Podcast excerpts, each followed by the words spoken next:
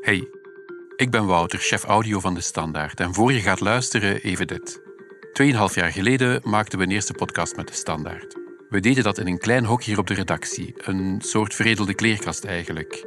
Telkens als we wilden opnemen, moesten we eerst op een tafel klimmen om de thealampen uit het plafond te halen, want die zoemden en dat hoorde je in de opname. Niet geweldig praktisch. Die fase, die zijn we gelukkig voorbij. Al had het ook wel iets. We hebben de voorbije 2,5 jaar voortdurend aan onze podcast gesleuteld, heel vaak op basis van de mails die jullie ons stuurden. Die waren ontzettend waardevol en die zijn dat ook nog altijd. Dat sleutelen aan onze podcasts, dat willen we blijven doen. Op standaard.be-onderzoek loopt daarom een enquête, waarin we peilen naar advertenties in podcasts.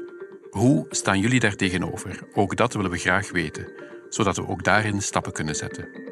De enquête loopt tot 23 januari. Dus surf even naar standaard.be-onderzoek, vul de enquête in en misschien win je draadloze oortjes. Heel erg bedankt alvast, ook voor het luisteren en voor het mailen. Blijf dat doen, want jullie feedback helpt ons echt.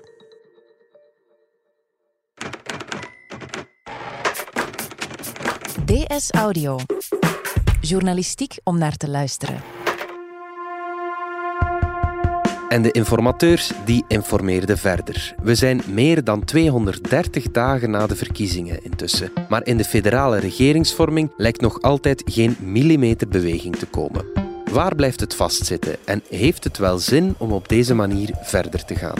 Het is woensdag 15 januari. Mijn naam is Alexander Lippenveld en van op de redactie van De Standaard is dit DS Audio.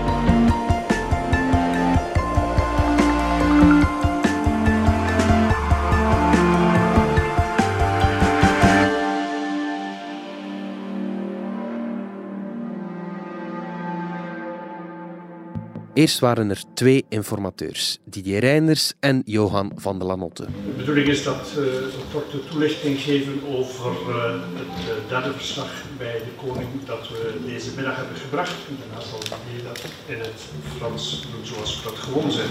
Toen kwamen er twee preformateurs, Geert Bourgeois en Rudy de Mot. Ik denk dat gematigheid en redelijkheid nodig zijn onder de huidige situatie. Daarna kregen we weer een informateur, Paul Magnet. Ik zal een verslag aan de koning geven in het kader van een informatieopdracht. en dan, als de koning mij vraagt om verder te gaan, zal ik die vraag proberen te beantwoorden. En sinds vijf weken hebben we opnieuw twee informateurs, Joachim Koens en Georges-Louis Boucher. Bonjour à tous, euh, merci pour votre présence. Euh, effectivement, nous restons sur un schéma qui est euh, très ouvert. Hun informatieopdracht werd maandag door de koning nog eens met twee weken verlengd. Maar hoeveel valt er nog te informeren en te preformeren meer dan 230 dagen na de verkiezingen? En waar zit het vast? Daarover praat ik met Christophe van Schouwbroek en Peter de Lobel van onze politieke redactie. Peter de Lobel, meteen na de verkiezingen, nog voor die laatste uitslagen goed en wel geteld waren, uh, was al te horen dat de vorming van een federale regering heel moeilijk zou worden. Had jij toen verwacht dat er zes maanden later nog altijd weinig vooruitgang geboekt zou zijn? Ja, ik, ik, zal nu maar zeggen onmiddellijk van ja, natuurlijk, uh, Alexander, dat wist ik, dat er nu nog niks ging zijn. nee, wat dat overdag al onmiddellijk duidelijk was, was dat het heel moeilijk zou worden. Aan de Vlaamse kant zag je dat de Vlaams Belang het, uh, het overal zeer goed deed, mhm. terwijl alle partijen die de afgelopen vijf jaar mee in de regeringen gezeten hebben, klappen kregen. Uh, aan de Franstalige kant uh, kreeg je dan het, uh, het spiegelbeeld. Daar deed extreem links, dus met PTB, P van de A, mm. het zeer goed. En ook daar kregen alle partijen die in de regering gezeten hadden de, de afgelopen vijf jaar ja. ook klappen. Dus dan zit je met langs weerskanten de extremen of de uitersten die winnen. Mm. En alle andere partijen die eigenlijk gewonde dieren zijn. dus die, die eerst even ja, terug op hun plooi moeten komen voor ze verder kunnen. Dus dat voelde je van ja, dat zal de, de coalitievormingen niet vergemakkelijken. Mhm. Ja, en daar komt nog bij dat de evidente coalities, zoals die in het verleden al er geweest zijn, dat die ook onmogelijk bleken met die uitslag. Ja. Zoals een tripartite, zoals bijvoorbeeld de regering Di Rupo. Ja, het was de eerste keer dat dat niet kon, zo'n klassieke tripartite van liberalen, socialisten en Christen-Democraten. Dat is de eerste keer dat het niet kon. Dus die partijen uh, samenbrengen, dat zou geen regering opbrengen, zou geen meerderheid opleveren. Mhm. Maar ook de andere optie, het verder zetten van die Zweedse coalitie, die, Mhm. de regering Michel die we gehad hebben, Ja. die bleek niet mogelijk te zijn, omdat de, de vier partijen die die coalitie uitmaakten, Mhm. allemaal verloren hadden bij de verkiezingen. Dus er was geen enkele eenvoudige weg die kon ingeslagen worden om eh, een regering te bouwen. Ja, dat zijn allemaal elementen die het heel moeilijk maken. Tegelijkertijd is het heel helder. Eh, als extreem rechts en extreem links uitgesloten worden, Vlaams Belang en PTB, PVDA, dan blijven er maar een paar mogelijkheden over.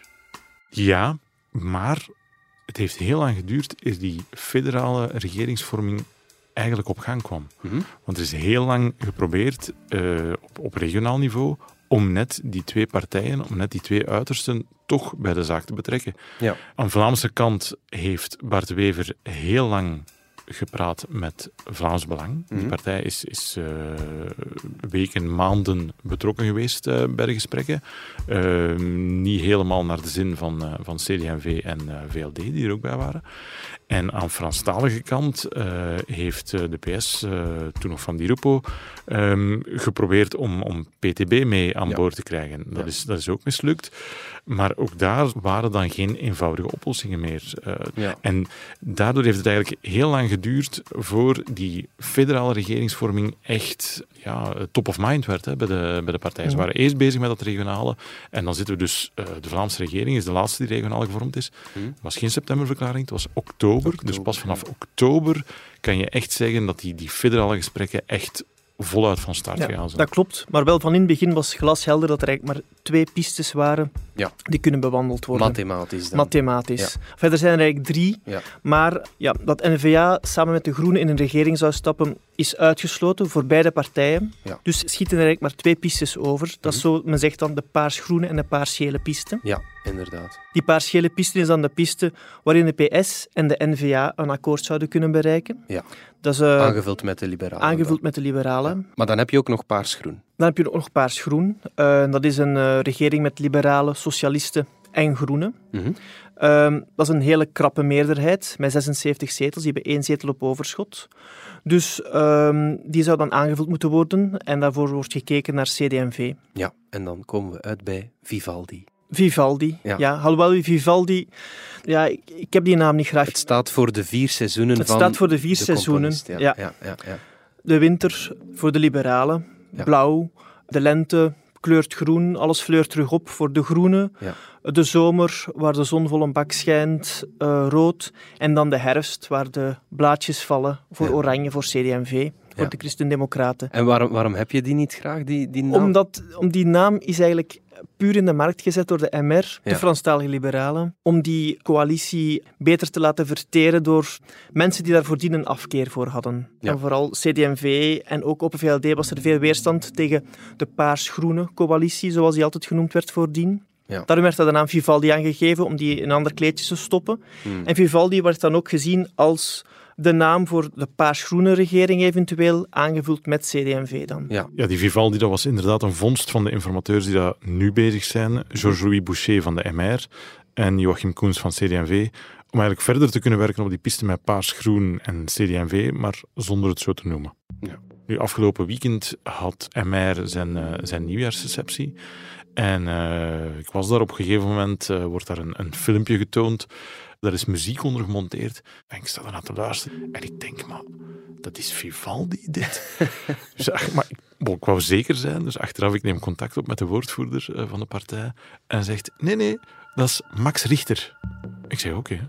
Ja. Tot ik dan vijf minuten later denk van, als ik nu eens google Max Richter Vivaldi. Wat blijkt? Max Richter heeft de vier seizoenen gehercomponeerd. Ja. Ik ga luisteren op Spotify. En effectief, het was dat nummer, het was de lente trouwens, eh, dat eh, Ja. eh, te horen was onder, onder dat filmpje. Voilà, dus de- er, er zat wel toch enige symboliek in, al duurde het Ja. een tijdje eer het, eer het werd toegegeven. Ja, Boucher dacht waarschijnlijk dat de lente aangebroken was voor zijn Vivaldi-regering, maar eh, ja, daar heeft hij zich serieus mispakt dan. Goed, laat ons even die pistes overlopen. Eh, er zijn er drie. eh paars, geel, paars, groen en dan de Vivaldi-coalitie. Eh, die kenden we zeven maanden geleden eigenlijk al na de Maar eigenlijk zijn er, eigenlijk Ja, zijn er maar twee. Paars-groen is, paars-groen Want is paars-groen ondoenbaar. is eigenlijk, on- Is eigenlijk ondoenbaar, ja. omdat die maar één zetel op overschot heeft. Ja. Dus het volstaat dat één iemand een beetje moeilijk doet en je hebt geen meerderheid meer. Ja. Ja. Er was ook geen enkel van de zes partijen die in dat paars-groene verhaal eh, aan tafel zat, die bereid was om met die partijen alleen een regering te vormen. Dus ze zagen dat allemaal met CD&V. Ja. Anders is dat gewoon inderdaad veel te krap eh, als er iemand ziek valt, als er iemand overloopt, als er eh, een lastig dossier op tafel ligt waar twee parlementsleden van deze of gene partij toch zeggen van ja, maar ja. dit kunnen we niet in overeenstemming brengen met ons geweten, dan zit je vast. Dus Ja. dat moet ruimer zijn, die coalitie. Maar laat ons even teruggaan naar paars-geel. Dat blijft voor velen het scenario dat eerst bekeken moet worden. Waarom is dat zo? Wel, de, de eenvoudigste reden, en dat is ook de meest logische, is dat eh, het, het maar normaal zou zijn dat je in België de grootste partij langs weerskanten, eh, dus in Franstalig België en in, in Vlaanderen, NVA zijn de NVA en de PS, dat je die samen in een regering hebt. Ja. En dan kom je dus uit, als je vertrekt van, van dat startpunt, aan PS-kant neem je de, de SPA erbij, eh, je hebt de liberalen daarbij nodig, eh, om wat eh, coherent te zijn met N-VA ook. Mhm. En zo kom je tot, tot dat paar schelen, omdat je vertrekt vanuit het idee, de twee grootste partijen eh, aan weerskanten moeten erin zitten. Dat is ook wa- wat, waar het paleis eh, heel hard Ja. op, op, op drukte, omdat dat volgens hun een beetje de garantie is op stabiliteit, Ja. als die twee erin zitten. Ja. Ehm, zeker ook met, met de, de uitslag eh, in Vlaanderen, waar het, het Vlaams Belang zeer goed gescoord heeft, ehm, is het idee van ja, als je met Vlaams Belang niet wilt samenwerken, maar als je dan ook nog de NVA eh, buiten de deur gaat houden, ja, dan gaan we in 2024 eh, gaan die twee partijen samen meer dan de helft van de, van de stemmen halen. En dat is wat verklaart waarom bij veel partijen de, de angst zeer groot is om niet dat paars-gele pad te Ja. volgen. En om Ja. dus effectief verder te gaan zonder NVA. Ja, maar toch duurt het heel lang om dat pad te bewandelen. Mhm, dat klopt. Ehm, dat pad stropt nog altijd. Ja. Omdat ehm, de facto blijft het een regering die men probeert te maken tussen twee partijen die mijlenver uit elkaar staan. Ja. En dat blijft eigenlijk nog altijd het basisprobleem. Ja. N-VA en PS, niemand ziet waar die een compromis kunnen bereiken. En zolang dat niet duidelijk is, niet zichtbaar is, dat dat eventueel zou kunnen, zal dat paarschele pad een moeilijk te bewandelen pad blijven. Ja. De- het, het helpt ook niet dat eh, de afgelopen maanden dat er eh, verklaringen, soms vanuit dezelfde partijen, geweest zijn die, die een beetje alle richtingen uitgingen. Neem nu PS en NVA. Bij de PS zeggen ze, ja, maar kijk, als wij met de NVA moeten gaan, die willen ofwel confederalisme, ofwel een zeer eh, rechts regeringsbeleid. Ja. En wij zijn tot, tot geen van beide bereid. Dat, dat gaat niet. Dan, bij de NVA zijn er een aantal keren signalen geweest van ja, maar dat confederalisme, eh, we zullen dat nog wel bekijken en tot dan een paar dagen later toch weer een andere verklaring komt, eh, waarin dan toch weer een topper zegt nee, nee, dat is het eerste wat wij, wat wij op tafel leggen. En zo is het een aantal keren wat, wat, wat heen en weer Ja. gegaan. En het probleem is, er wordt ook nooit een pad echt afgesloten tot nu toe. Ja. Zoals bijvoorbeeld toen Magnet informateur was, leek alles richting eh, een paarsgroene regering te gaan, aangevuld met CD&V eventueel. Ja. Maar dan komen er weer twee nieuwe informateurs. En ehm, dan gebeurt er weer iets kleins, zoals bijvoorbeeld afgelopen weekend, Ja. toen Bart de Wever in zijn nieuwjaarspeech eh nog eens de verhoging van de minimumpensioenen aanhaalde. Mhm. Hij zegt daarbij eigenlijk niks nieuw. Hij zegt daarbij gewoon wat in zijn verkiezingsprogramma staat. Daar is ook al sprake van een substantiële verhoging van het minimumpensioen. Ja. Hij maakt dus geen gigantische opening, maar toch zet hij weer een ganse carousel in gang van oh, misschien is dat paarscheel toch mogelijk en gaat men dat weer onderzoeken. En zo blijft men eigenlijk rondjes draaien op het paarsgele pad, het paarsgroene pad, zonder uiteindelijk knopen door te hakken. Alles wat lijkt op een uitgestoken hand, dat wordt direct aangegrepen als van het, het kan misschien toch. Oh, ja, uitgestoken hand. Als je echt de hand wil uitsteken, Dan zeg je dat expliciet. Of je doet dat misschien, Ja. ik zeg maar iets, hè, aan een onderhandelingstafel. Ja, Achter de schermen. Eh, ja, en dan, dan kan je echt... Dit leek mij, of lijkt mij, volledig iets voor de galerij. In ieder geval, zo wordt het ook ervaren aan de socialistische kant, of toch zeker aan eh PS-kant. Maar het probleem is, je kan niet in het hoofd van die mensen kijken. Mhm. Dus je kan niet weten, is dit nu oprecht of niet? Is het echt een uitgestoken hand of niet? En dan is weer de conclusie, zoals gisteren gebeurd is, ah, dan moeten we dat onderzoeken. En zijn we weer een paar weken verder. Ja. Nu, het is, uh, je, hebt, je hebt veel nationale nieuwjaarsrecepties van de partijen, maar het is ook interessant om, om van tijd tot tijd te gaan kijken op, op kleinere lokale ja. uh, nieuwjaarsdrinks. Zo was ik maandag op een uh, bijeenkomst van de lokale PS in La Louvière en de, de gemeenten daar rond. Ja. Um, dus dat was net nadat uh, Boucher en Koens nog eens een verlenging kregen om die uh, zogenaamde uitgestoken hand uh, van NVA te gaan onderzoeken. Ja. Nu, als je daar hoort hoe Magnet spreekt, ja, dan forget it. Hè. Dan hebben ze geen twee weken meer nodig. Want mm. hun sociale eisenpakket ligt wel een heel eind voorbij uh, wat uh, eh, NVA in één zinnetje op, uh, op een nieuwjaarsreceptie laat, laat vallen. Dus die, die, die afstand tussen die partijen blijft enorm. En bovendien zou dan ook nog eens NVA zijn communautaire programma achterwege moeten laten. Dus dat, dat is nog niet in 1, 2, 3 overbrugd, zoiets. en ik, ik, zie dat ook de komende twee weken niet meteen gebeuren. Maar de eeuwige vraag is natuurlijk, hoe sluit je een piste af? Ja. En dat is nog tot nog toe niet gebeurd. Geen enkele piste is eigenlijk tot het einde bewandeld geweest. Um, daar, daarom wordt ook al aan gezegd, moet Bart de Wever zelf eens niet um, informateur worden. Dan kan hij zelf op zoek gaan naar zijn meerderheid en kan hij eventueel zelf... Um, uitmaken op paarscheel kan of paarscheel kan dat niet. En dat is dat voor eens en altijd duidelijk. Ja. Um, er zijn een aantal mogelijkheden, een aantal kansen geweest om dat te doen, maar men is daar nog nooit op ingegaan. Um, om twee redenen. Eerst, de voornaamste reden is eigenlijk dat geen enkele Franstalige partij Bart Wever aan zet wil zien. Mm het is heel moeilijk voor de koning om iemand in het spel te brengen, aan zet te brengen, als een groot deel van de partijen, waar ook een regering mee moet gemaakt worden, daar niet mee instemt. Ja. En de tweede reden? En de tweede reden is dat nog geen enkele partij zichzelf eigenlijk uit het, het spel teruggetrokken heeft. Ja. Alle partijen blijven nog mee onderhandelen, denken nog, houden alle opties open. Mm Ook oppositie houden ze open, maar ze denken, je weet nooit, dat het interessant kan zijn om in die regering te stappen. Dus iedereen blijft rond die tafel zitten, waardoor het eigenlijk niet opschiet. Ja, maar toch lijkt het af en toe dat er wel een piste wordt afgesloten. Geert Bourgeois van NVA en Rudy de Mot van PS bijvoorbeeld, die waren preformateurs van begin oktober tot begin november. Die zeiden toen al, intussen ook al twee maanden geleden, paarsgeel, dat gaat niet gebeuren. Ja, en hoe weten we dat? Doordat hun nota, hun rapport, ja. weken later gelekt is. Hmm. Weken later, niet op het moment dat zij het vaststelden, zij wilde toen een persconferentie geven om te zeggen dat simpele feit, een regering met PS en NVA, lees paars-geel, gaat niet. Hmm. We moeten andere paden bewandelen. En toen heeft het paleis gezegd, ho, wacht. Laat ons nog één poging ondernemen. En toen is men opnieuw rond het tafel gezet. Dus toen is uh, Paul Magnet uh, informateur geworden. En toen is men terug begonnen met, uh, met tien partijen. Uh, nogmaals, niemand die er zelf uitstapte, iedereen die nog betrokken was. En gaandeweg heeft Mayet dat ingedikt naar alleen nog de, de zes partijen van, van Paars-Groen.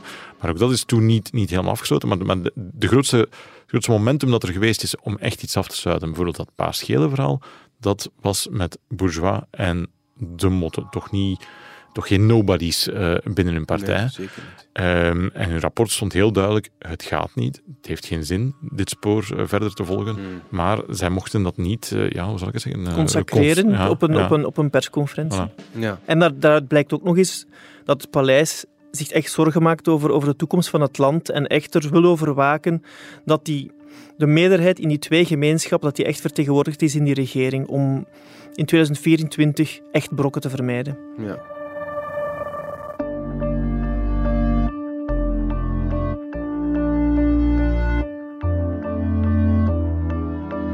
We zijn zo terug.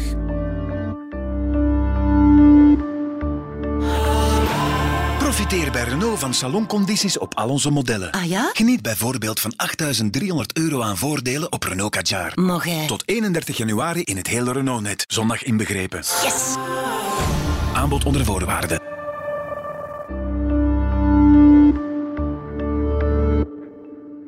Jullie zeggen, Peter en Christophe, iedereen wil brokken vermijden bij de volgende verkiezingen. Maar normaal gezien zijn die pas in 2024, dat is verdorie nog vier jaar, is het wel zinvol om altijd maar naar de lange termijn te kijken? Wel, het is iets wat, wat mij... ehm, op een gegeven moment is er wat, wat moed nodig om, om een, een stap te zetten. En zal je moeten beginnen regeren.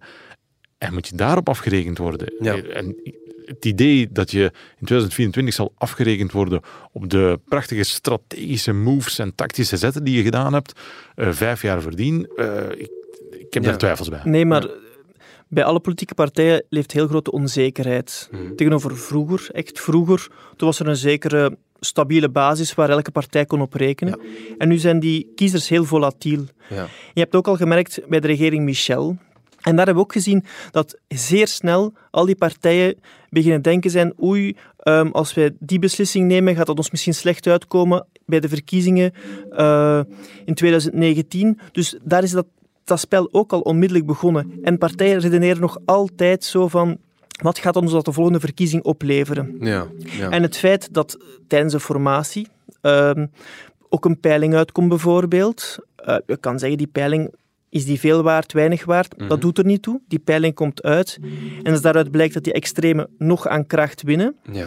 dan Dan maakt die partijen nog angstiger. Dat, versterkt alleen maar. Ja. Terwijl het resultaat van die peiling precies dat resultaat kan opgeleverd hebben, omdat die partijen niet beslissen en niet vooruit gaan. Ja. Dus je komt zo in een visieuze cirkel terecht uiteindelijk, waar blijkbaar die partijen en de politici niet uitgeraken. Ja, ja.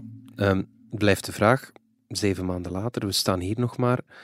Heeft het nog zin om op deze manier verder te gaan? Ja. Ik zie niet veel alternatief dan, dan op deze manier proberen een regering te vormen. Ja. Ja. Ik zie niet hoe je... Want nieuwe verkiezingen bijvoorbeeld, dat, dat gaat die extreme misschien dat- alleen dat- nog maar groter Ja, maken. dat idee plant zich meer en meer in de hoofden natuurlijk, zolang het duurt en zolang er geen vooruitgang geboekt wordt. Ja. Maar, ja, ook, ook daar speelt zo'n peiling wel een rol. Ik denk niet dat er veel partijen zijn die staan te springen om nieuwe verkiezingen te houden. Degenen die gewonnen hebben in die peilingen zitten niet bij de tien die nog betrokken zijn bij de gesprekken. Nee. Dus die kunnen best wel eh, verkiezingen winnen. Die kunnen misschien denken van we hebben hier iets bij te winnen. Maar de andere partijen, ik denk niet dat er één partij is die het gevoel heeft van we hebben daar iets bij te winnen. Bovendien, voor je zo'n nieuwe verkiezingen kan eh, afkondigen, moet een meerderheid in het parlement daarvoor zijn. Dus de nieuw gekozen parlementsleden, die moeten dus beslissen om zichzelf af te schaffen en Ja. opnieuw naar de kiezer te gaan. Ja. Ehm, ik denk ook niet dat er daar zoveel voor staan te springen. Net omdat die, die onzekerheid zo groot is. Dus zit dat er snel aan te komen, nieuwe verkiezingen? Ik, ik denk het niet. Ik hoop het ook niet. Het is eh, volgens mij een, een plicht van, van politici om te werken met die kaarten die ze gekregen hebben. Ze Hmm. kunnen zeggen van, kijk, eh, beste kiezer, de kaarten staan ons niet aan. Maar ze zijn nu eenmaal wat ze zijn, dus we zullen het daarmee moeten doen. En dat zal gevolgen hebben voor eh, hoeveel wij van ons programma kunnen uitvoeren in, in deze of gene regering. ja, maar als iedereen zijn eigen spel speelt natuurlijk... eh, Met die kaarten. met die kaarten... Ja. Eh, ja. Het is daarom, op een bepaald moment moet iemand durven springen. Ja. Zo wordt bijvoorbeeld gekeken naar CD&V. Durven zij springen om toch die paar groenen te steunen? Mm. Maar even goed kan men zeggen, N-VA moet springen en is echt een opening tonen naar de PS. Of de PS moet springen en zich echt ehm, tonen dat zij met N-VA eh, een regering wil vormen. Mm. In de vorige regering is dat ook altijd zo gebeurd. Is er ook altijd iemand die een sprong gemaakt heeft. Ja. Bijvoorbeeld de regering Michel, als ehm, Charles Michel eh, niet de sprong gemaakt had om alleen als enige Franstalige partij in een regering te gaan zetelen met de N-VA, Ja. de verketterde partij in Wallonië, dan hadden we nooit een regering Michel gehad. Mhm. Als in 2011 Wouter Beke Ja. eh, N-VA niet gelost had, eh, in die communautaire onderhandelingen, was er nooit een regering die roepen gekomen. Dus er is altijd een bepaald moment dat iemand een sprong maakt en dan pas kan die onderhandeling onder stoom komen. ja. Zit die sprong er aan te komen van deze of gene partij? Wel, je zit nu sowieso nog met, met die twee weken die Boucher en, en Koens extra gekregen hebben. Maar dan zal het toch wel stilaan moeten gaan gebeuren. Je kan niet blijven informeren en, en, en rondjes draaien. Het, gaat er zeker niet makkelijker op worden. Ehm, een, een verschil met, met eh, de vorige regeringsvormingen is dat de externe druk uh, op dit moment kleiner is. Uh, de markten staan niet uh, in vuur en vlam op dit moment. Binnenkort zit voor de zoveelste keer, maar mogelijk nu echt de brexit er wel aan te komen. Ja. Dus dat kan wel voor wat extra druk zorgen. Maar ja, dat getreuzel we zijn echt aan, in, in, rondjes aan het rijden. We hebben informateur na informateur, een preformateur, weer informateur. Uh, als je nu iemand anders aan zet brengt, dan zou het toch stilaan mogen zijn om die in te laten vallen en naar formateur te gaan. Maar dan moet je dus duidelijkheid hebben over met welke partijen moet het gebeuren. En dan moeten een aantal partijen eindelijk een stap durven zetten en zeggen, kijk, wij zien het zitten om... Daar zitten we nog maar, hè, de gesprekken over de vorming van de regering aan te vatten. Want dat zijn we nog niet aan het doen. Hè. Dan begint het echte werk nog maar pas. Dus, dus het is niet als we binnenkort tot een coalitiekeuze komen, dat we, er, eh, dat we er al zijn. Dan zijn we nog voor, voor eh, weken en mogelijk maanden vertrokken. En vergeet niet dat al die partijen, als ze al een akkoord kunnen maken, waar ze ook toegifte gedaan hebben, dat die dat akkoord ook nog moeten goedgekeurd krijgen op een congres door hun achterban. Ja, ik kan me voorstellen Stel dat... Stel u dat voor. Dat zou pas een absolute ramp zijn. Dat we ik weet niet hoe lang onderhandeld hebben en dat er dan één partij het akkoord niet door het congres krijgt. maar dat is nog niet gezien. Ja, maar er is, is, toch niet veel nog niet gezien. Uh, Niks is ondenkbaar in de politiek. Nee. Oké, okay. Peter de Lobel, Christophe van Schouwbroek, dank jullie wel. Graag gedaan. Dit was DS Audio. Wil je reageren? Dat kan via dsaudio.standaard.be. In deze aflevering hoorde je Peter de Lobel, Christophe van Schouwbroek en mezelf, Alexander Lippenveld. De redactie gebeurde door Robbe Klaas en Wouter van Driessen. Wouter deed ook de eindredactie. Joris van Damme deed de audioproductie. Brecht Plasgaard schreef de muziek die je hoorde in deze podcast. Chef audio is Wouter van Driessen. Vond je deze podcast interessant? Weet dan dat je er elke werkdag één kunt beluisteren. Dat kan via de DS Nieuws app of via standaard.be-audio. Je kunt je ook abonneren via Apple Podcast, Spotify of de podcast app van je keuze. En als je daar dan toch bent, schrijf gerust een review. Zo toon je ook anderen de weg. En we vertellen met de standaard natuurlijk niet enkel in onze podcast over wat er in de wereld gebeurt. We doen dat ook in de krant en online. Benieuwd naar een abonnement? Ga dan zeker eens kijken op standaard.be-voordelig. Daar ontdek je ons aanbod en onze promoties. Morgen zijn we opnieuw.